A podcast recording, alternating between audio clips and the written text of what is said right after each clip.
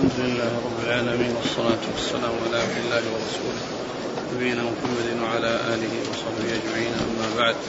المعوذتان قال رحمه الله تعالى حدثنا عبد الله بن يوسف قال أخبرنا مالك عن ابن شهاب عن عروة عن عائشة رضي الله عنها أن رسول الله صلى الله عليه وسلم كان إذا اشتكى يقرأ على نفسه بالمعوذات وينفث فلما اشتد وجعه كنت أقرأ عليه وأمسح بيده رجاء بركتها.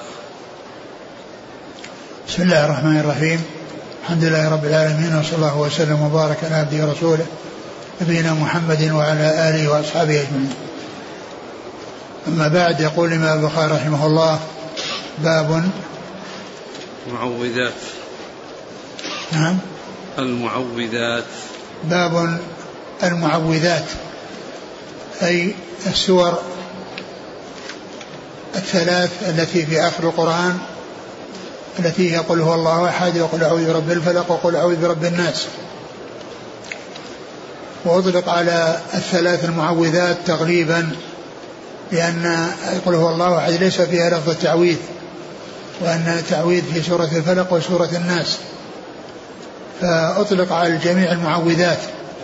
وجاء ذلك في بعض الأحاديث فيكون ذكر دخول قل هو الله أحد فيها فيها أي على سبيل التغليب وإن لم يكن فيها لفظ التعويذ وفيها آه، ثناء الله عز وجل وأنه الواحد الأحد الذي ليس له أصول ولا فروع ولم يكن أحد يساويه. ويماثله سبحانه وتعالى.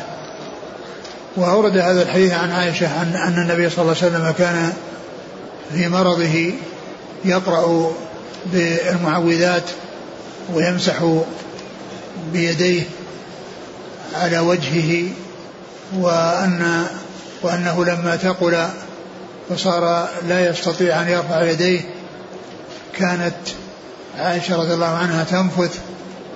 في يديه صلى الله عليه وسلم ثم تمسح بها رسول الله صلى الله عليه وسلم رجاء بركتها أي أن أنها لا تنفث في يدها وتمسح رسول الله صلى الله عليه وسلم وإنما تنفث في يده ثم تأخذ بيده وتمسحه صلى الله عليه وسلم من أجل ما جعل الله في فيه من البركة. وهذا كان قبل شدة مرضه كان يفعل ذلك بنفسه. وأما بعد أن ثقل فإن عائشة رضي الله عنها هي التي تنفث بأن تقرأ القرآن تقرأ هذه السور وتنفث فيها في, في, في يديه صلى الله عليه وسلم ثم تمسح بها رسول الله صلى الله عليه وسلم. وهذا يدلنا على عظم شأن هذه السور الثلاث وأنها مما يتعوذ به وأنه يحرص على التعوذ بها وقد جاءت في أدعية الصباح والمساء وجاءت أيضا في أدبار الصلوات وجاءت أيضا عند النوم فشأنها عظيم. والرسول صلى الله عليه وسلم كان يعوذ نفسه بها. صلوات الله وسلامه وبركاته عليه. نعم. قال أخبرنا قال حدثنا عبد الله بن يوسف عبد الله بن يوسف التنيسي. عن مالك عن ابن شهاب نعم. عن عروة عن عائشة. نعم. قال رحمه الله تعالى باب القراءة عن ظهر القلب.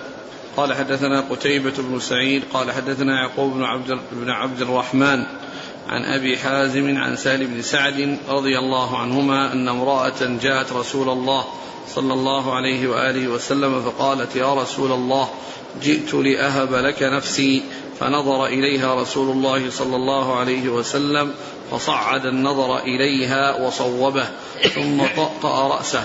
فلما رأت المرأة أنه لم يقض فيها شيئا جلست. فقام رجل من أصحابه فقال يا رسول الله إن لم يكن لك بها حاجة فزوجنيها. فقال هل عندك من شيء؟ فقال لا والله يا رسول الله. قال اذهب إلى أهلك فانظر هل تجد شيئا؟ فذهب ثم رجع فقال لا والله يا رسول الله ما وجدت شيئا. قال انظر ولو خاتما من حديد. فذهب ثم رجع فقال لا والله يا رسول الله ولا خاتما من حديد. ولكن هذا إزاري. قال سهل ما له رداء. فلها نصفه. فقال صلى الله عليه وسلم ما تصنع بإزارك إن لبسته لم يكن عليها منه شيء. وإن لبسته لم يكن عليك شيء فجلس الرجل حتى طال مجلسه ثم قام فرآه رسول الله صلى الله عليه وسلم موليا فأمر به فدعي فلما جاء قال ماذا معك من القرآن؟ قال معي سورة كذا وسورة كذا وسورة كذا. عدها قال أتقرأهن عن ظهر قلب؟ قال نعم. قال اذهب فقد ملكتكها بما معك من القرآن.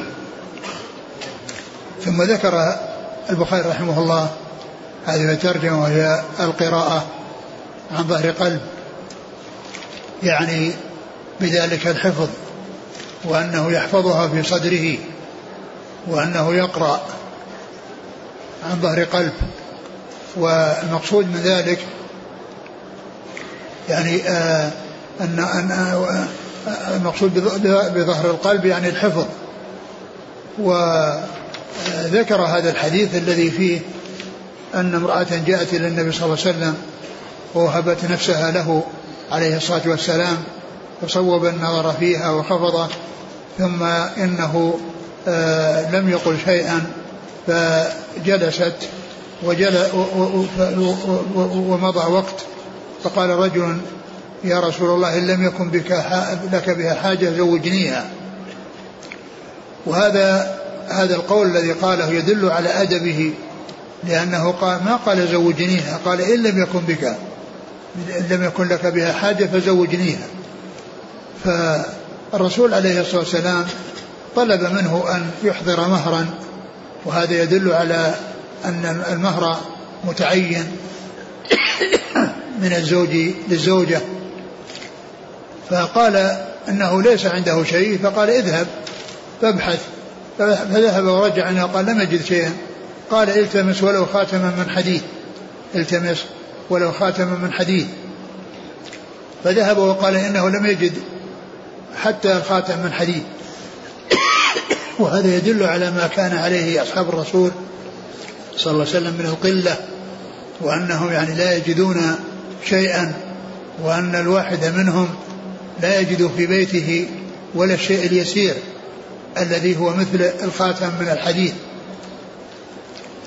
فالرسول عليه الصلاة والسلام آه، قال له أتحفظ شيء من القرآن؟ هل معك شيء من القرآن؟ قال عندي سورة كذا وسورة كذا وكذا يعني سماهن. فقال تحفظهن عن ظهر قلب يعني أنك تحفظهن في صدرك وليس ذلك أنه يقرأها من المصحف. فقال نعم. فقال اذهب فقد زوجتكها بما معك من القرآن. أي أنه يعلمها إياها يعلم هذه السور هذه المرأة فتكون هي المهر لها. وهذا يدل على جواز مثل ذلك وأن العمل الذي يعمله الإنسان يعني للمرأة يعني يكون مهرا. وهذا مثل قصة آه، موسى مع مع صهره صاحب مدين فإنه قال فإنه استأجره على أن يعمل له ثمانية حجج أي ثمان سنوات فإن أتم عشرا فمن عنده وهذا راجع إليه. فكان هذا هو هذا هو الزواج أو هذا هو الصداق الذي تزوج به فدل ذلك على أنه يجوز التزويج بمثل هذه بمثل هذه الأعمال. ثم إن حفظ القرآن وكون النبي صلى الله عليه وسلم قال تحفظها عن ظهر قلب يعني يدل على أهمية حفظ القرآن وأن الإنسان يحفظه وذلك أنه إذا حفظه يتمكن من قراءته في جميع أحواله في حال سفره وإقامته وحال نومه نومه ومشيه وجلوسه وفي, وفي الظلام وفي جميع الأحوال. هذا آه، لا يتيسر إلا لمن يحفظ القرآن. وأما من يقرأ القرآن من المصحف فإنه لا يتأتى له ذلك في كل مكان. فالإنسان إذا كان يمشي لا يقرأ القرآن مع مصحف وهو يمشي ولكنه يقرأ من حفظه إذا كان يحفظ. وكذلك في يعني في جميع أحواله يعني آه، يقرأ القرآن وأما المصحف فإنه لا يتيسر له. فإذا وجود القرآن في صدر الإنسان يعني فائدته عظيمة ومنفعته كبيرة لتمكنه من الاستفادة من القراءة آه، في في جميع أحواله. ثم يعني آه يعني آه هذا الحديث ليس فيه يعني بيان المفاضلة بين القراءة حفظا والقراءة نظرا لأن كل واحدة لها حال تخصها ولكن المقصود من ذلك هو الحفظ عن ظهر قلب الذي جاء في الترجمة لأن فيه إثبات الحفظ عن ظهر قلب. وذلك هل تحفظهن عن ظهر قلب؟ ف ومعلوم أنه إذا كان يحفظهن عن ظهر قلب فإنه يتمكن من تعليمها في جميع الأحوال. يتمكن من تعليمها هذه السور التي هي مهرها في جميع الأحوال. أعد الحديث جاءت امرأة رسول الله صلى الله عليه وسلم فقالت جئت لأهب لك نفسي.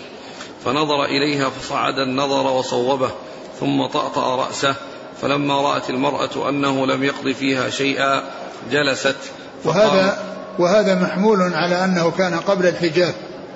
يعني هذا قبل الحجاب لأن الحجاب إنما فرض يعني بعد أن كان سائغا وجائزا السفور يعني كشف الوجه ويعني بعد ذلك نزل التحريم في حق أمهات المؤمنين وكذلك النساء نساء المؤمنين لأن لأن زوجات الرسول صلى الله عليه وسلم إذا كان تعليل الحجاب يعني لأن ذلك أبعد عن عن الريبة فإن وهن وهن في القمة في العفة والطهر والعفاف إذا كان هذا قيل فيه ذلك أطهر لقلوبكم وقلوبهن فغيرهن ممن ليس كذلك من باب أولى. فغيرهن من من من ليس كذلك دون من باب أولى. وكذلك في قوله قل لأزواجك يا أيها النبي قل لأزواجك وبناتك ونساء المؤمنين يدنين عليهن من جلابيبهن فإن هذا أيضا يدل على على تغطية النساء وجوههن كما جاء مفسرا عن عن عن, عن بعض الصحابة في بعض الروايات بعده. قام رجل من أصحابه فقال يا رسول الله إن لم يكن لك بها حاجة فزوجنيها. فقال هل عندك من شيء؟ فقال لا والله يا رسول الله. قال اذهب إلى أهلك فانظر هل تجد شيئا. فذهب ثم رجع. فقال لا والله يا رسول الله ما وجدت شيئا. قال انظر ولو خاتما من حديد. فذهب ثم رجع فقال لا والله يا رسول الله ولا خاتما من حديد. وذكر خاتم من الحديد هنا يعني إما أن يكون هذا قبل أن ينهى أن يأتي النهي عن لبس الحديد وأنه حلية أهل النار أو أنه يعني بعده ولكن يمكن أن ينتفع به في غير اللبس. فذهب ثم رجع فقال ولا خاتم الحديد ولكن هذا إزاري. قال سهل ما له رداء. فلها نصفه فقال صلى الله عليه وسلم ما تصنع بإزارك إن لبسته لم يكن عليها منه شيء وإن لبسته لم يكن عليك شيء. فجلس الرجل حتى طال مجلسه ثم قام فرآه صلى الله عليه وسلم موليا فأمر به فدعي فلما جاء قال ماذا معك من القرآن؟ قال معي سورة كذا وسورة كذا وسورة كذا عدها. قال أتقرأهن عن ظهر قلبك؟ قال نعم. قال اذهب فقد ملكتكها بما معك من القرآن. نعم. قال حدثنا قتيبة بن سعيد نعم. عن يعقوب بن عبد الرحمن نعم.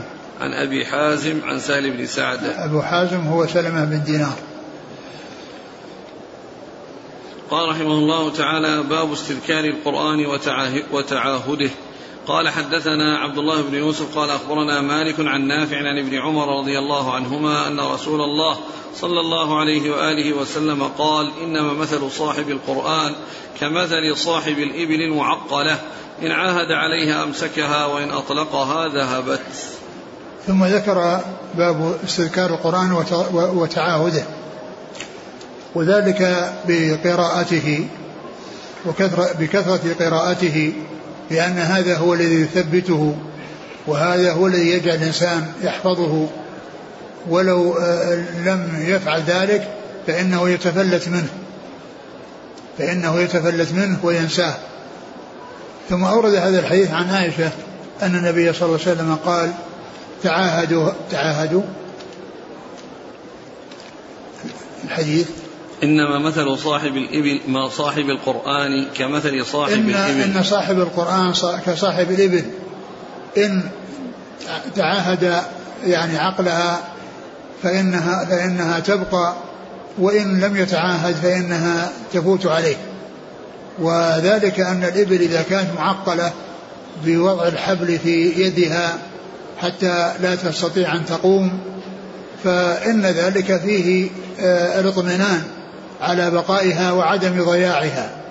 وأما إذا فك منها العقال وتركت تمشي فإنها قد تذهب بسرعة وتنفلت منه ولا يهتدي إليها بعد ذلك.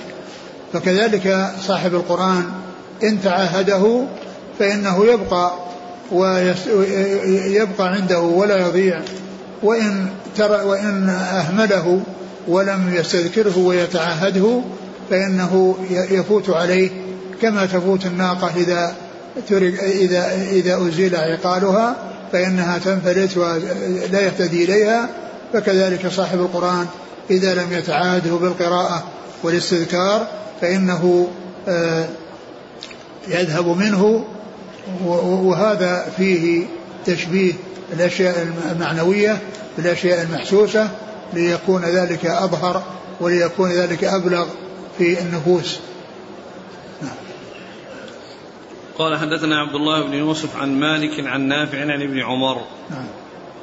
قال حدثنا محمد بن عرعرة قال حدثنا شعبة عن منصور عن أبي وائل عن عبد الله رضي الله عنه أنه قال قال النبي صلى الله عليه وآله وسلم بئس ما لأحدهم أن يقولوا نسيت آية كيت وكيت. نسبل نسي واستذكروا القرآن فإنه أشد تفصيا من صدور الرجال من النعم. ثم ذكر باب لا زال. نفس الباب. نعم. ثم ذكر إيش؟ حديث حديث عبد الله بن مسعود قال بئس ما؟ بئس ما لأحدهم أن يقول نسيت آية كيت وكيت. بئس ما لأحدهم أن يقول نسيت آية كيت, كيت وكيت. يعني آية كذا وكذا. نسيت آية كذا وكذا. إنما نسي. بل نسي. بل نسي. يعني كل إنسان يقول نسيت. يعني معنى ذلك أنه يضيف النسيان إليه. ومما يشعر بأنه يعني فرط وأنه يعني لم يقم بشيء الذي به حفظ القرآن والذي به ثبات القرآن في صدره يعني فيكون بذلك مقصرا بئس ما يكون ذلك بل نسي يعني أن أن أن, أن ذلك أن ما حصل له بتقدير الله عز وجل وبخلقه وإيجاده بأنه خالق خالق العباد وخالق أفعال العباد فيكون الإنسان يضيف أو يضاف يضاف ذلك إلى الله عز وجل مثل ما قال وما رميت إذ رميت ولكن الله رمى. و ف وإن القرآن وإن القرآن أشد تفصيا وإن القرآن أشد تفصيا من صدور الرجال من النعم.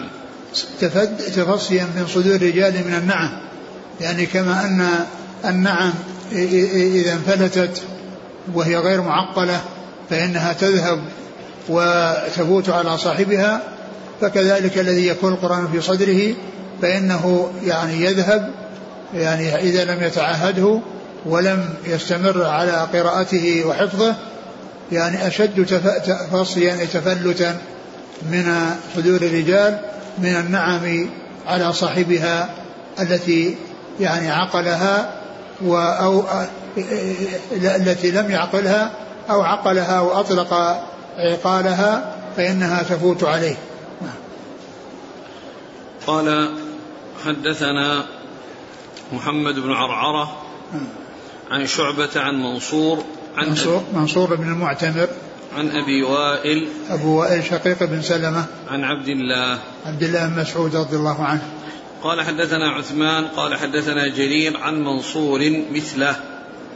ثم ذكر هذا الإسناد وقال مثله أي مثل ما تقدم وعثمان هو بن أبي شيبة وجرير هو آه، آه، ابن عبد الحميد الضبي و عن منصور. عن منصور نعم. قال تابعه بشر عن ابن المبارك عن شعبة. تابعه بشر يعني بشر بن محمد بشر بن محمد عن ابن المبارك. عن عن مبارك عبد الله المبارك. عن شعبة. نعم.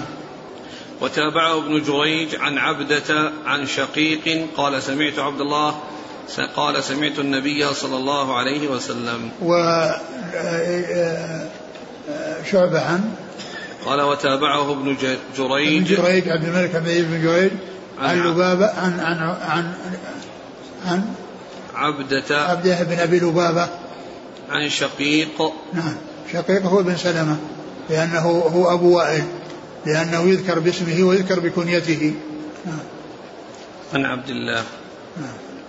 قال حدثنا محمد بن العلا قال حدثنا أبو أسامة عن بريد عن أبي بردة عن أبي موسى عن النبي صلى الله عليه وآله وسلم أنه قال تعاهدوا القرآن فوالذي نفسي بيده لهو أشد تفصيا من الإبل في عقلها وهذا مثل الذي قبله. قال حدثنا محمد بن العلا عن أبي أسامة. أبو محمد بن العلا أبو كريب. كما قلت يعني البخاري يذكر محمد بن العلا باسمه وأما مسلم فإنه يذكره بكنيته كثيرا. عن أبو أسامة حماد بن أسامة. عن بريد. بريد بن عبد الله بن أبي بردة عن أبي موسى عن أبي جده أبي بردة عن أبي موسى وهو من رواية حفيد عن جد وابن عن أب. قال رحمه الله تعالى باب القراءة على الدابة. قال حدثنا حجاج بن منهال قال حدثنا شعبة قال أخبرني أبو إياس. قال سمعت عبد الله بن مغفل رضي الله عنه قال رأيت رسول الله صلى الله عليه وآله وسلم يوم فتح مكة وهو يقرأ على راحلته سورة الفتح. ثم ذكر باب القراءة على الدابة يعني أنه سائق وجائز. يعني يقرأ الإنسان وهو راكب كما أنه يقرأ وهو ماشي وهو جالس. يعني في جميع أحواله يقرأ القرآن. وهذا الحديث الذي أورده عن عبد الله بن مغفل فيه الدلالة على القراءة على الدابة. يعني أنه يكون راكبا على الدابة يقرأ القرآن. نعم. قال حدثنا حجاج بن منهال عن شعبة عن أبي إياس. وهو وهو أبو إياس هو معاوية بن قرة. عن عبد الله بن مغفل. آه. قال رحمه الله تعالى باب تعليم الصبيان القرآن. قال حدثني موسى بن إسماعيل قال حدثنا أبو عوانة عن أبي بشر عن سعيد بن جبير قال إن الذي تدعونه المفصل هو المحكم. قال وقال ابن عباس توفي رسول الله صلى الله عليه وآله وسلم وأنا ابن عشر سنين وقد قرأت المحكم. ثم ذكر تعليم الصبيان القرآن. تعليم الصبيان القرآن أي أن الصبيان يعلمون من الصغر. يعلمون من الصغر وكذلك يتعلمون في الصغر بأنفسهم. كما سبق قصة عمرو بن أبي بن سلمة الجرمي الذي كان عمره ست سنوات أو سبع سنوات وكان يتلقى الوفود الذين يقدمون من المدينة مارين ببلدهم فيعلمونه أو يسألهم عن ما جاء عما عندهم عن رسول الله صلى الله عليه وسلم فيعلمونه شيئا مما معهم من القرآن. فكان أقرأ أهل ذلك الحي كما سبق أن مر عندنا في صحيح البخاري. و و وتعليم الصبيان في الصغر آه، كونهم يتمكن يتمكنون من حفظه ويداومون على ذلك وكما يقولون الحفظ, الحفظ في الصغر كالنقش في الحجر يعني أنه يكون شيء ثابت يعني شيء مستقر. ثم ذكر هذه هذه الأحاديث عن ابن عباس رضي الله تعالى عنهما أنه قال إيش؟ الأول عن سعيد بن جبير قال إن الذي تدعونه المفصل هو المحكم. قال إن الذي تدعونه المفصل هو المحكم. المفصل هو آخر القرآن الذي يبدأ بسورة قاف أو بسورة الحجرات. والسبب في ذلك ان أنه جاء عن الصحابة أنهم كانوا يحزبون القرآن سبعة أحزاب يعني ثلاثا وخمسا وسبعا وتسعا وإحدى عشرة وثلاث عشرة وحزب مفصل واحد. وأوله قاف وأوله قاف. على اعتبار أن الفاتحة لم تعد في الثلاث سير الثلاث البقرة وآل عمران والنساء. وأما إذا عدت الفاتحة فإنه يصير أوله الحجرات. إذا كانت الفاتحة معدودة يعني ثلاثا وخمسا فإذا عدت الفاتحة فإنه يبدأ الجزء الحزب السابع يبدأ من الحجرات. وإذا لم تعدى وإن وإنما بدأ بالبقرة فتكون الثالثة هي النساء وتكون ويكون الحزب المفصل يبدأ من سورة قاف. وقال إن تدعونه مفصل إنه المحكم يقوله سعيد بن جبير. يعني يقال له المحكم. وقيل والمحكم يطلق إطلاقين. يطلق على الشيء الذي غير منسوخ والذي لم لم ينسخ ويطلق على ما يقابل المتشابه. ويطلق على ما يقابل المتشابه. و و لا أدري يعني فيما يتعلق بالمفصل هل فيه شيء نسخ أو أن فيه شيء لم ينسخ. لكن يعني كونهم يقولون المراد به المحكم المراد به المحكم يعني اللي هو المفصل يعني قالوا أن المحكم هو الذي لم ينسخ أي ما حصل فيه نسخ. فلا أدري هل الأمر كذلك أن المحكم ليس أن القرآن المفصل ليس فيه شيء نسخ أو أن فيه لا أدري. الله تعالى أعلم نعم قال حدثنا قال توفي رسول وقيل له المفصل لكثرة الفواصل لأن السور كثيرة. السور كثيرة في يعني في هذا الحزب ويفصل بين كل سورة وسورة ببسم الله الرحمن الرحيم. نعم. قال وقال ابن عباس توفي صلى الله عليه وسلم وأنا ابن عشر سنين وقد قرأت المحكم. وقال ابن عباس قد قد حفظت حفظت. توفي الرسول صلى الله عليه وسلم وهذا ابن عشر سنين. توفي رسول الله وأنا ابن عشر سنين وقد حفظت. وقد قرأت المحكم. وقد قرأت المحكم. المحكم الذي هو المفصل. وقد سبق أن مر في الحج أنه أنه حج مع رسول الله صلى الله عليه وسلم وقال إنه قد قارب الاحتلام. أنه قد قارب الاحتلام. وابن عباس قيل إنه ولد قبل الهجرة بثلاث سنوات وعلى هذا يكون توفي رسول الله صلى الله عليه وسلم وعمره ثلاث عشرة سنة.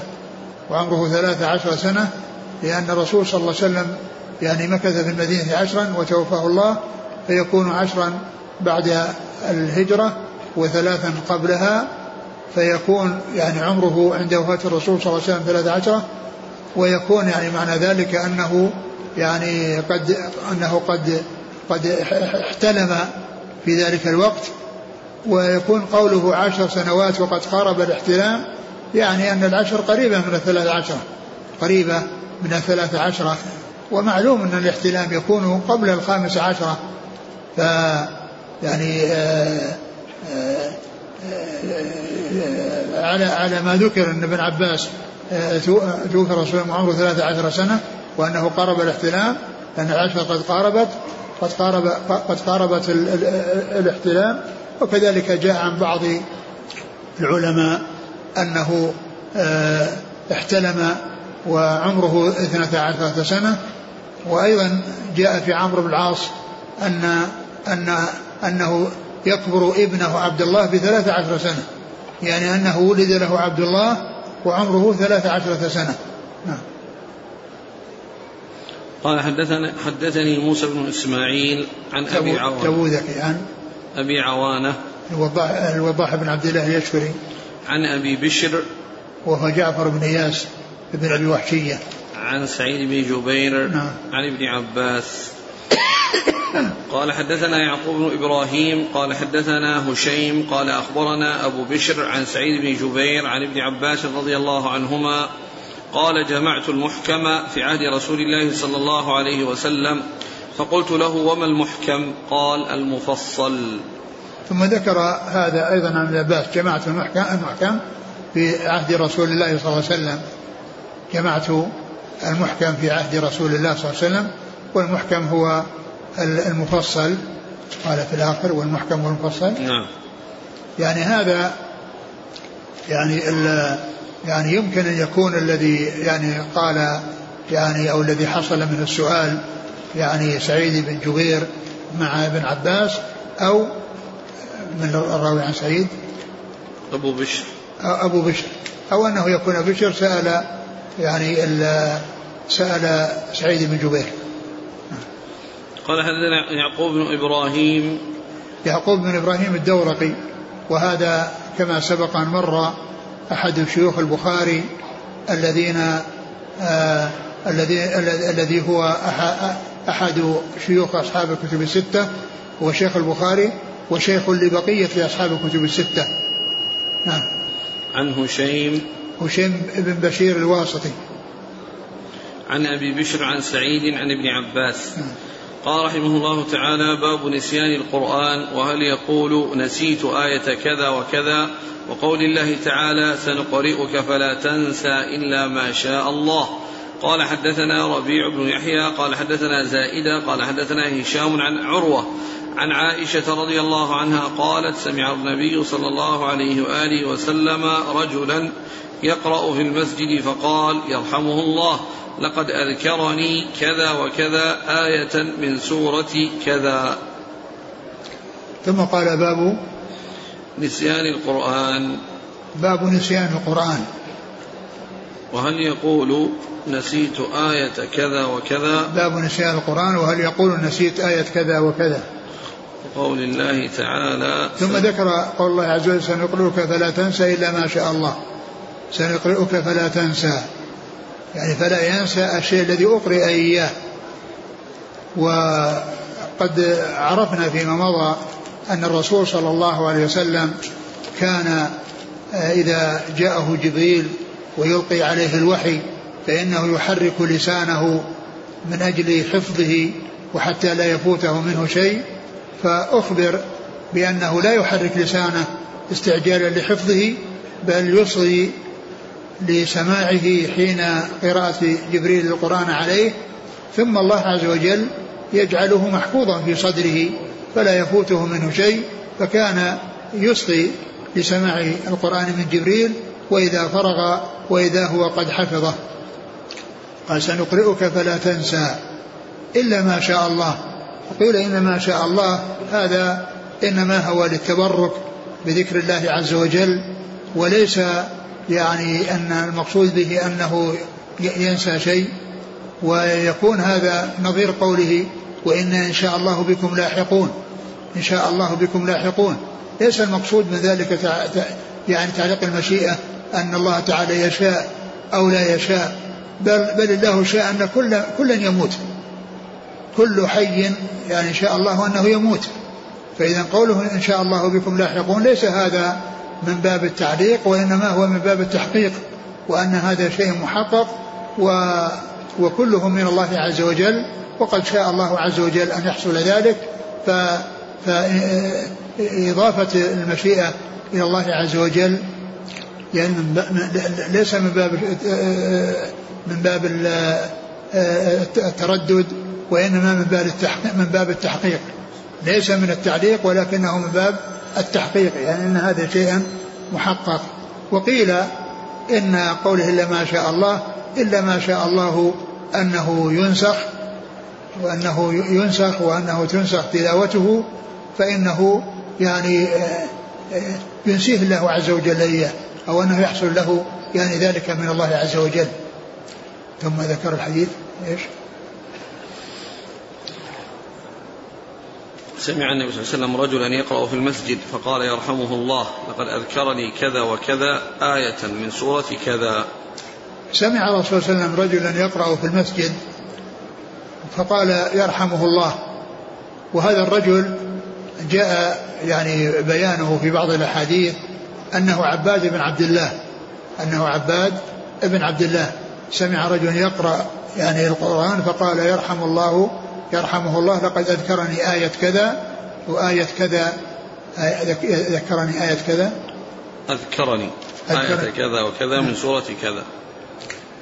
أذكرني آية كذا وكذا من سورة كذا. وهذا يدل على أن الرسول عليه الصلاة والسلام يعني حصل له يعني ذلك يعني أنه آه، فاته أو أنه آه، حصل له أن تجاوز يعني شيء بعض الآيات ولكنه تذكرها لما سمع ذلك الصحابي يقرأها. نعم. قال حدثنا ربيع بن يحيى نعم.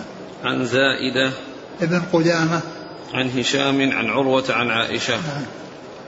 قال حدثنا محمد بن عبيد بن ميمون قال حدثنا عيسى عن هشام وقال أسقطتهن من سورة كذا.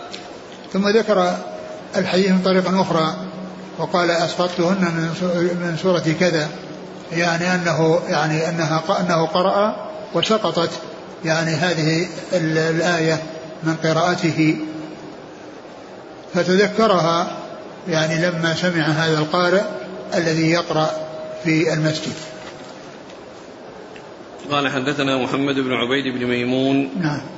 عن عيسى. عيسى بن يونس بن أبي إسحاق. عن هشام. قال نعم. تابعه علي بن مسهر وعبدة عن هشام. نعم وعبدة بن سليمان. نعم. قال حدثنا أحمد بن أبي رجاء قال حدثنا أبو أسامة عن هشام بن عروة عن أبيه عن عائشة.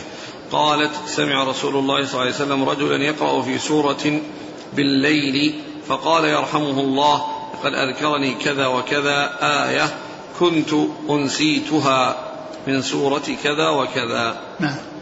ثم ذكر هذا الحديث عن عائشة وهو مثل الحديث الذي قبله. قال حدثنا أحمد بن أبي رجاء نعم. عن أبي أسامة حماد بن أسامة. عن هشام بن عروة عن أبيه عن عائشة. نعم. قال حدثنا أبو نعيم قال حدثنا سفيان عن منصور عن أبي وائل عن عبد الله رضي الله عنه أنه قال قال النبي صلى الله عليه وآله وسلم ما لأحدهم يقول نسيت آية كيت وكيت بل هو نسي. ثم ذكر هذا الحديث وقد مر ذكره قريبا. قال حدثنا أبو نعيم الفضل بن دكين. عن سفيان هو الثوري. عن منصور عن أبي وائل عن عبد الله. نعم. قال رحمه الله تعالى باب من لم ير بأسا أن يقول سورة البقرة وسورة كذا وكذا. قال حدثنا عمر بن حفص قال حدثنا أبي قال حدثنا الأعمش قال حدثني إبراهيم عن علقمة عبد الرحمن بن يزيد عن أبي مسعود الأنصاري رضي الله عنه أنه قال قال النبي صلى الله عليه وآله وسلم الآيتان من آخر سورة البقرة من قرأ بهما في ليلة كفتاه. ثم قال باب قولي. من لم ير بأسا أن يقول. من لم ير بأسا بأن يقول سورة البقرة. يعني بأن يقول سورة البقرة يعني وليس السورة التي تذكر فيها البقرة. يعني أنه لا بأس بقول سورة البقرة. يعني بدون أن يقال السورة التي تذكر فيها البقرة. فهي فهذا اسمها ويقال لها سورة البقرة بذكر شيء يعني فيها. وهذا هو شأن أكثر سور القرآن. فإن كل سورة يعني يكون اسمها بكلمة من من الكلمات التي اشتملت عليها. بكلمة من الكلمات التي اشتملت عليها. إلا سورة الإخلاص يعني قل هو الله أحد فإنها ليست لم لم يكن اسمها بكلمة من كلماتها وإنما قيل فيها سورة الإخلاص لإخلاص العبادة لله عز وجل. وكذلك سورة الأنبياء فإنه لم يأتي فإنه آه، يعني آه، آه، ذكر فيها أنبياء متعددين وقيل لها سورة الأنبياء. وأما غير ذلك فإن كل سورة تسمى باسم كلمة منها نعم من أول القرآن إلى آخره. من لم ير بأسا نعم نعم ثم ذكر هذا الحديث. أن النبي صلى الله عليه وسلم قال آيتان من آخر سورة البقرة من قرأ بهما في ليلة كفتاه المقصود من ذلك كونه قال من سورة البقرة بنفس الحديث. ما قال الآية السورة تذكر فيها البقرة؟ ما قال السورة التي يقال فيها تذكر فيها البقرة؟ بل قال سورة البقرة آيتان من آخر سورة البقرة. وما آمن رسول بما أنزل إليه من ربه والمؤمنون إلى آخر السورة. من قرأ بهما في ليلة كفتاه يعني أن هذا من أذكار المساء. وقوله كفتاه يعني عن غيرهما من الذكر. أو كفتاه يعني كل مكروه أو كل شر. نعم. قال حدثنا عمر بن حفص. عمر بن حفص بن غياث عن أبيه عن الأعمش عن إبراهيم. إبراهيم بن يزيد النخعي. عن علقمة. علقمة بن قيس النخعي. وعبد الرحمن بن يزيد. وعبد الرحمن بن يزيد النخعي. عن أبي مسعود الأنصاري. عن أبي مسعود الأنصاري وهو عمر وهو عقبة بن عمرو آه الأنصاري البدري. قال حدثنا أبو اليمان قال أخبرنا شعيب عن الزهري قال أخبرني عروة من عن حديث المسور بن مخرمة وعبد الرحمن بن عبد القاري أنهما سمعا عمر بن الخطاب رضي الله عنه يقول سمعت هشام بن حكيم بن حزام يقرأ سورة الفرقان في حياة رسول الله صلى الله عليه وسلم فاستمعت لقراءته فإذا هو يقرأها على حروف كثيرة لم يقرئنيها رسول الله صلى الله عليه وسلم فكدت أن أساور فكدت أساوره في الصلاة. فانتظرته حتى سلم فلببته فقلت من أقرأك هذه السورة التي سمعتك تقرأ؟ قال أقرأنيها رسول الله صلى الله عليه وسلم. فقلت له كذبت. فوالله إن رسول الله صلى الله عليه وسلم لهو أقرأني هذه السورة التي سمعتك. فانطلقت به إلى رسول الله صلى الله عليه وسلم أقوده فقلت يا رسول الله إني سمعت هذا يقرأ سورة الفرقان على حروف لم تقرئنيها وإنك أقرأتني سورة الفرقان فقال يا هشام اقرأها فقرأها لقراءة فقرأها القراءة التي سمعته فقال رسول الله صلى الله عليه وسلم هكذا أنزلت. ثم قال اقرأ يا عمر. فقرأتها التي أقرأنيها. فقال رسول الله صلى الله عليه وسلم هكذا أنزلت. ثم قال رسول الله صلى الله عليه وآله وسلم إن القرآن أنزل على سبعة أحرف فاقرؤوا ما تيسر منه. ثم ذكر هذا الحديث عن عمر في قصة سماعه لقراءة آه، غيره سورة الفرقان على على وجه يخالف القراءة التي أخذها عن رسول الله صلى الله عليه وسلم. وكان ذلك قبل أن يعلم أن القرآن أنزل على سبعة أحرف كما جاء ذلك يعني بينه الرسول صلى الله عليه وسلم بهذا الحديث.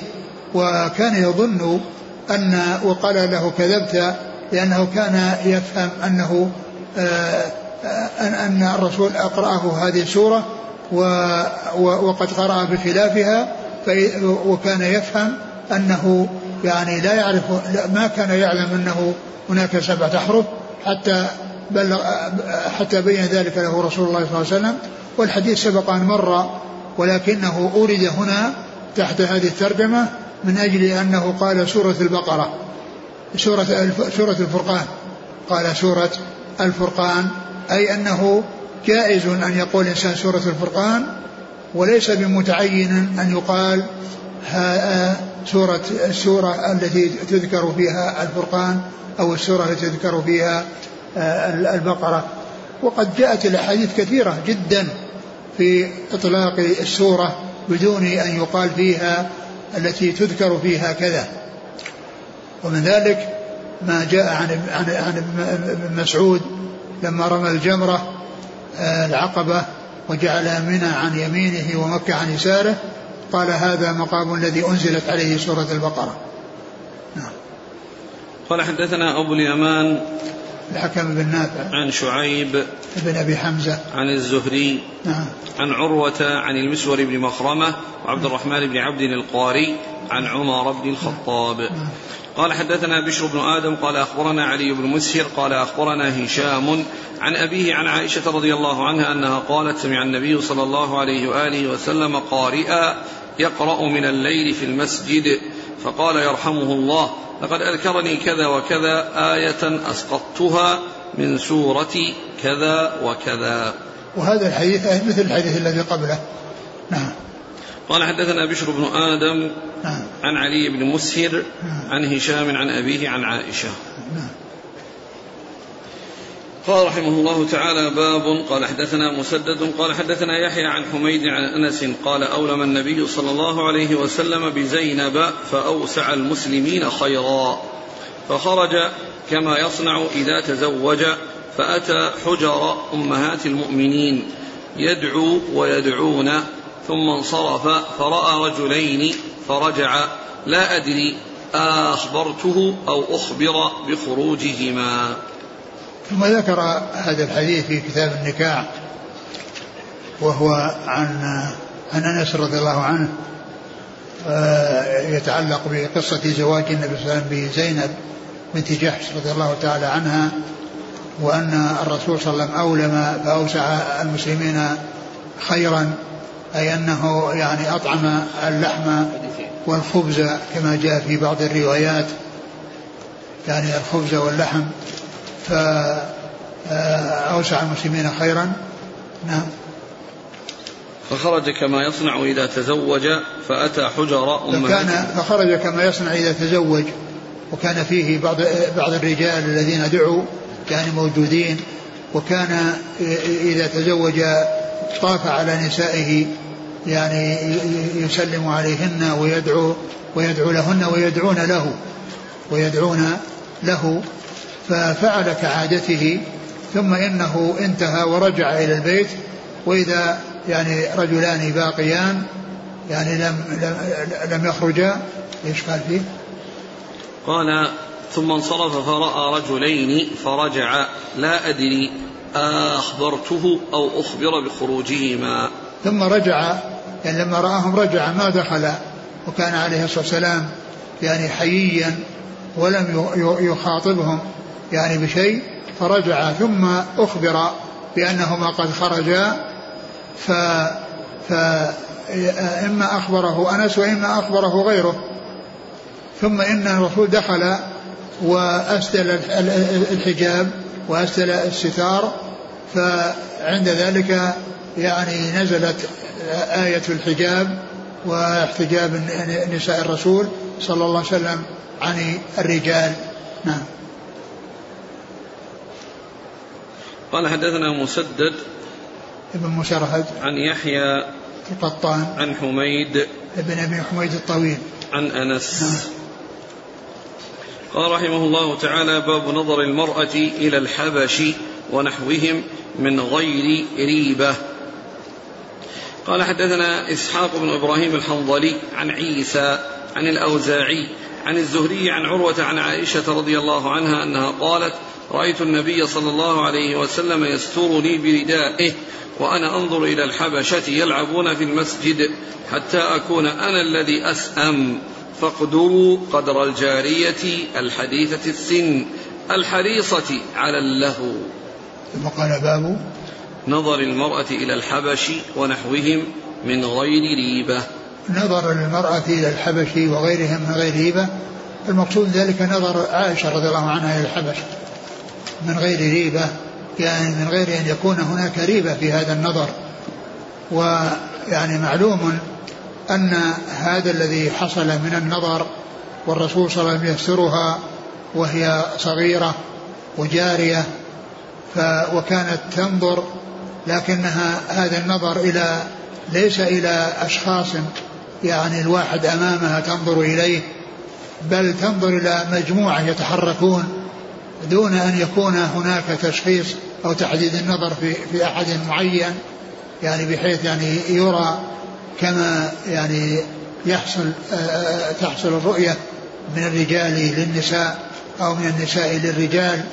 فإن هذا العمل لا يستدل به على أن المرأة تنظر إلى الرجال وتنظر إلى وجوه الرجال وإنما تغض بصرها عن الرجال كما أن الرجال يغضون أبصارهم عن النساء كما جاء ذلك في القرآن. وكان النبي صلى الله عليه وسلم يسترها وهي من ورائه يعني آه، آه، وتنظر إليهم حتى هي التي سئمت. يعني الرسول صلى الله عليه وسلم وقف يعني طويلا حتى سئمت هي وحتى هي التي أرادت الانتهاء من هذا الموقف الذي كانت ترى فيه هؤلاء الرجال.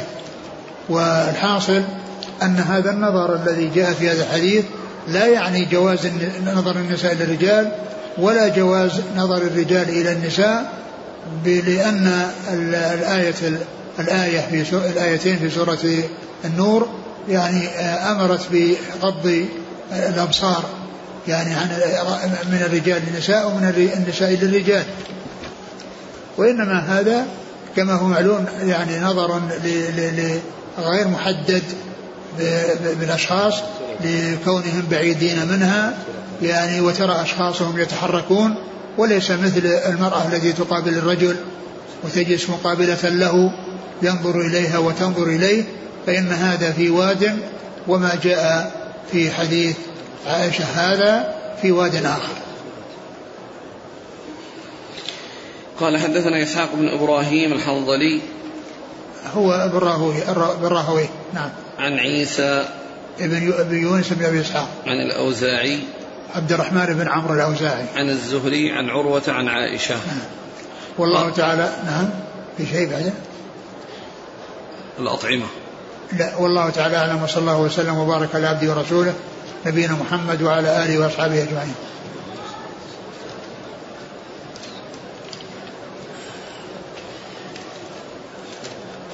جزاكم الله خيرا وبارك الله فيكم ونهاكم الله الصواب وفقكم الحق شفاكم الله عافاكم سبحان الله ما سمعنا وغفر الله لنا ولكم وللمسلمين أجمعين. من الأشياء التي ذكرها الحافظ بن حجر فيما يتعلق بنسيان القرآن يعني يقول انه إذا كان يعني هذا النسيان حصل بسبب اشتغال في طاعة وبعمل صالح كالجهاد في سبيل الله فإن ذلك يعني لا يكون مذموما وإنما المذموم أن يشتغل عنه بأمور دنيوية أو يعرض عنه ويغفل عنه حتى حتى حتى ينساه. فإن هذا هو الذي فيه مضرة وهذا هو الذي هو محذور. وأما إذا كان بسبب انشغاله بعبادات وبقربات فكالجهاد في سبيل الله فإن ذلك ليس بمذموم. يقول هل يستدل بحديث عائشة بنظر إلى الحبشة؟ هل يستدل بذلك على جواز مشاهدة النساء اليوم؟ للتلفاز وما شابهه. هذا ليس من هذا القبيل لأن هذا النظر محدد والصورة واضحة يعني جلية يعني أمام المرأة فإنها تنفتن وتحصل لها الفتنة بالمرأة الذي ترآه من الجمال في بعض الرجال. يقول آية النجوى في تقديم الصدقة قبل النجوى نسخت. وهي من المحكم. سورة المجادلة. آية النجوى؟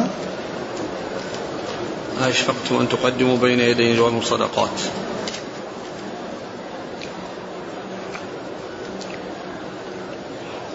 نعم هذا هذا من هذا القبيل. لأن تقديم شيء عند عند المناجاة يعني نسخ بعد ذلك.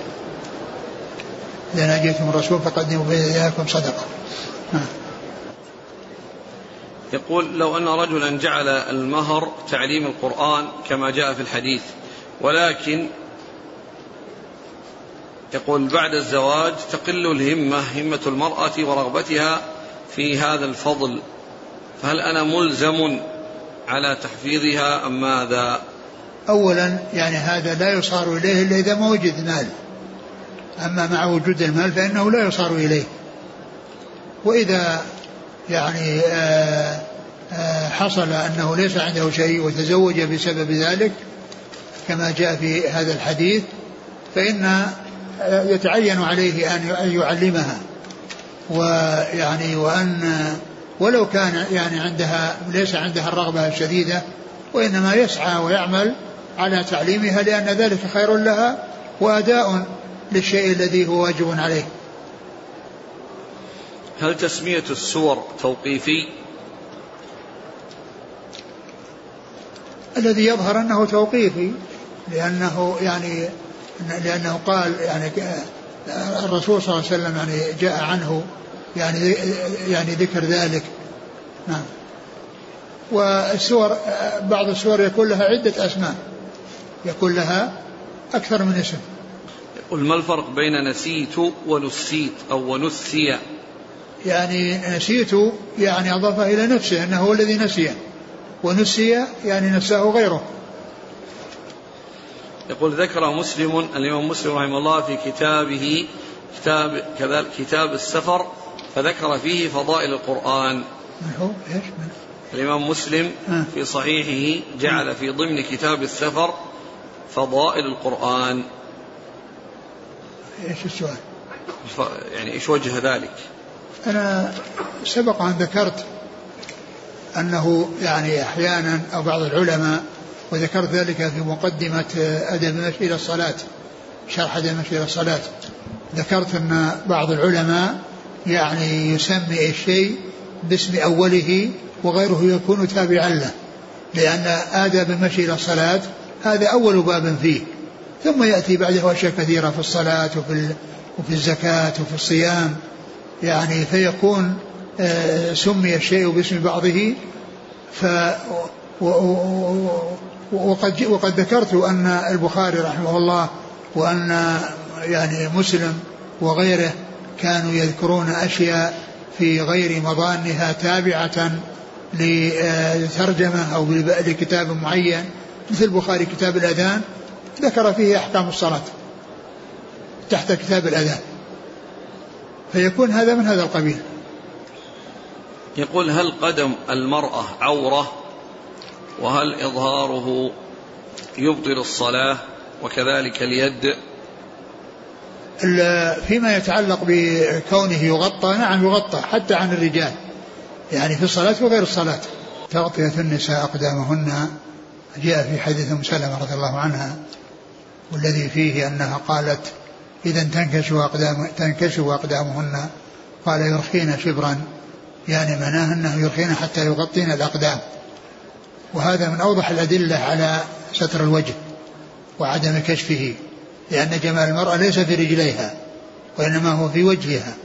فإذا كانت جاءت الشريعة بالأمر بتغطية الرجلين وإخفائهما وعدم إبرازهما فإن الوجه تغطيتهما بأولى لأنه محل الجمال من المرأة.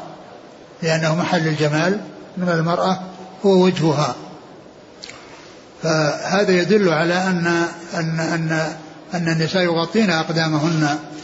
وأما فيما يتعلق بالصلاة فإن الذي يكشف هو الوجه وأما اليدان والقدمان ففي ذلك خلاف ولكن لا شك أن ستره أن سترهن لكل شيء للوجه هذا هو الأولى والأظهر. نعم. يقول أنا أعمل في وظيفة فيها اختلاط وأنا متزوج ولدي أبناء وقد حاولت ولا زلت في إيجاد عمل آخر فلم أجد فهل أترك العمل أم أنتظر إلى أن أجد غيره؟ احرص على أنك تجد أنك تحصل عملا آخر. وإن لم تحصل فبقاؤك في هذا غير جائز. وعليك أن يعني تترك هذا العمل وتجتهد في تحصيل الرزق من طريق أخرى. أو يحصل السعي على أن النساء يكن على حدة والرجال على حدة وألا يحصل اختلاط بين الرجال والنساء. هذا يقول نحن في بلد عربي إسلامي. التدريس عندنا مختلط من الطور الابتدائي إلى الجامعي فهل يجوز للمسلم أن يدرس أبناءه وبناته في هذه المدارس؟ علما أنه لا يوجد غير هذه المدارس المختلطة. الجواب هو مثل ما قلت في الأول يعني سواء كان في المدرسين أو في العاملين أو في الطلبة.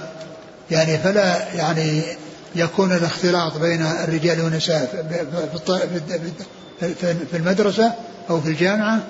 وكذلك أيضا المدرس لا يدرس يعني النساء أو مع النساء المختلطات مع الرجال إلا إذا كانت النساء على حدة من وراء ستار ولا يحصل اختلاطهن بالرجال والرجال على حدة فإن هذا لا بأس به. يعني بحيث أنه لا يحصل الاختلاط يعني لا في لا في لا في الفصل الدراسي ولا في الممرات. لكن الإنسان يمكن يمكن يعني أن إذا كان النساء غير مختلطات أنه يدرس. أنه يدرس النساء المنفصل المكان الذي فيه رجال ونساء منفصلات عن الرجال يدرس لأنه ما يشاهد يعني النساء. نعم يقول بارك الله فيك حصل مني حادث سير وكنت متعاط للخمر فأصبت مجموعة من الأشخاص ومات أحدهم ودفعت الدية وصمت خمسة وثلاثين يوما ثم أفطرت. فماذا علي؟ صيام الصيام الواجب هو يعني شهرين متتابعين شهرين متتابعين. وهذا الذي حصل فيه الانقطاع لا يعتبر بل عليه أن يصوم شهرين متتابعين وعليه أن يترك يعني هذا هذا هذا الشراب الخبيث الذي يعني يهلك يهلك يهلك نفسه ويهلك غيره. وفيه معصية الله عز وجل وصاحبه يسعى صاحبه أعطاه الله عقلا ثم هو يسعى أن يكون في جملة المجانين. يسعى إلى أن يكون مجنونا بفعله ويعني و بعمله وفعله يسعى أن يكون من جملة المجانين. ولهذا يقول ابن الوردي في في قصيدته اللامية المشهورة يقول كيف يسعى في جنون من عقل؟ كيف يسعى؟ إنسان الله أعطاه الله عقل ثم يسعى إلى أن يكون مجنونا يعني هذا هذا في غاية السوء. ومعلوم القصة التي حصلت يعني قبل أن تحرم الخمر لحمزة يعني وما حصل بالنسبة لجملي علي بن أبي طالب رضي الله عنه حيث بقر بطونهما وجب أسلمتهما. ولما جاءه الرسول صلى الله عليه وسلم وقال ما أنتم إلا عبيد أبي. ما أنتم إلا عبيد أبي. ومن أسوأ ما يذكر يعني من القصص عن المتناولين الخمر يعني يعني ذكر أن أن رجلا شرب الخمر فصار يبول في يديه ويغسل وجهه فصار يبول في يديه ويغسل وجهه. ويقول الحمد لله الذي أنزل من السماء ماء طهورا. يعني فهذا هذا مجرد سماع مثل هذا الكلام يجعل الإنسان يبتعد ويأنف بنفسه يعني عن هذا عن هذا العمل عن, عن هذه الخمرة الخبيثة التي تذهب العقل وتجعل الإنسان في جملة المجانين. والشاعر يقول يعني يحكي عن نفسه إذا سكر وإذا صحى قال فإذا فإذا سكرت فإنني رب الخورنق والسدير وإذا صحوت فإنني رب الشويهة والبعير. السدير هذا قصران يعني مشهوران قصران عظيمان الخورنق والسدير. يعني إذا سكر يصير يعني عندها الخورنق السدير قصور فاخرة إلى أنها في فارس وإذا صحى وإذا ما عنده إلا شوية البعير التي هو عليها. يقول لي أم لا تستطيع التحكم في إبقائها على الوضوء لأنه يستطلق عندها الريح وهي امرأة كبيرة لا تستطيع الذهاب إلى الحمام كل وقت فكيف العمل؟ إذا جاء وقت الصلاة توضأ وتصلي على حسب حالها لو خرج منها شيء لا يضرها لأن سلس البول والريح التي مستمرة التي تخرج من الإنسان الإنسان يصلي على حسب حاله ولكنه يتوضأ عند دخول الوقت أو عند الصلاة وإن حصل شيء في الصلاة لا يضره لا يكلف الله نفسا إلا وسعها. فاتقوا الله ما استطعتم. يقول أحسن الله إليكم إذا مررت بآية السجدة عند تكرار القرآن أو استذكاره فهل أسجد عند كل مرة أو ماذا أفعل؟ الذي يبدو أن الإنسان إذا كان يقرأ صفحة أو صفحة يعني صفحتين ويكررها عدة مرات حتى يحفظ لا يسجد عند كل عند كل مرة وإنما يسجد في المرة الأولى. نعم. ثم أيضا السجود ليس بلازم هو مستحب ولكنه يعني آه، إذا حصل مثل هذا التكرار للقراءة يعني لا يسجد عند كل يعني ما يأتي للسجدة آه، وهو يكرر صفحة واحدة أو صفحتين. نعم. هل يجوز الزواج بامرأة والدها كافر وأمها مسلمة؟ هل يجوز؟ الزواج بامرأة والدها كافر وأمها مسلمة؟ إذا كانت مسلمة يجوز. يجوز لأنها مسلمة والمسلم يتزوج المسلمة وكون أبوها كافر لا يضر ولا ولا يؤثر عليها والمهم أن تكون هي مسلمة. حتى ولو كان أبوها كافرين وهي مسلمة فإنها تتزوج يتزوج عليها الإنسان. أي مانع يمنع من هذا؟ يقول ما حكم البصاق في الأماكن المعدة للقمامة في المسجد الحرام؟ ما حكم؟ البصاق في الأماكن المعدة للقمامة في المسجد الحرام. آه الذي ينبغي الإنسان أن يكون معه مناديل يبصق بها ويعني وأما مثل ذلك لو حصل منه وهو قمامة يعني موضوعة في مكان فيه قمامة فإذا فعل فإنه لا بأس بذلك لأن هذا كله سيذهب ويخرج من المسجد ويعني يتلف أو يدفن أو يوضع في مكان بعيد عن الناس. يقول ما كفارة من أخذ حذاء يشبه حذاءه بعد ضياع حذائه من المسجد. أولا لا يجوز له أن يأخذ. إذا فقد إذا فقد حذاءه لا يأخذ حذاء آخر. لأن لأنك أسيء إليك وأنت أسأت إلى غيرك. وأنت أسأت إلى غيرك. نعم إذا كان المكان الذي فيه حذاءك وكان في مكان واحد وهو مشابه له فهذا قد يكون. أنه يعني هذا الذي أخذ حذاءه حذاء خالطة في وترك حذاء أخذ حذاء خلطا. فهذا إذا كان في مكان واحد ويعني فقد يكون هذا أمر أسهل ولكن كونه لا يأخذه قد يكون أيضا هذا غيره. هذا الذي وضع هذا الحذاء الذي يشبه حذائك. قد يكون غيره وإنما يكون أخذه إنسان يعني مبطل يعني يأخذ شيئا لا, لا, لا يستحقه. فالإنسان لا يأخذ ولكنه إذا كان هناك أشياء مرمية ويعني أخرج من المسجد ورميت يعني في ساحة المسجد فله أن يأخذ لأن هذه مصيرها إلى الإتلاف. يقول هل صحيح أن الإنسان يشعر بدنو أجله؟